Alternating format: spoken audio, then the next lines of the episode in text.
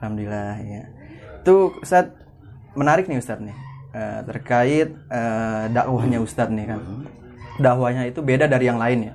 Di jalan, dari rumah ke rumah ke anak-anak yang katakanlah ya bisa dibilang anak pang, pengamen. Bisa diceritakan nggak Ustaz? Kenapa Ustaz memilih dakwah yang seperti itu Ustaz? Bismillahirrahmanirrahim. Allahumma sholli ala wa ala sayyidina Muhammad. Yang pertama, kenapa saya memilih memilih dakwah untuk di jalan? Iya. Yang paling pertama, yang paling pertama, kalau bukan kita sebagai manusia yang mengerti tentang agama, nggak ada lagi yang memerhatikan tentang tentang bocah.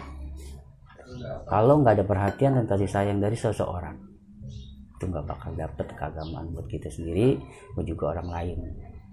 Itu intinya. Jadi artinya lebih kepedulian ya Ustaz. ya? Intinya kepedulian. Dan kenapa Ustaz harus yang dipilih itu harus anak jalanan Ustaz? Kan biasanya Ustaz-Ustaz lain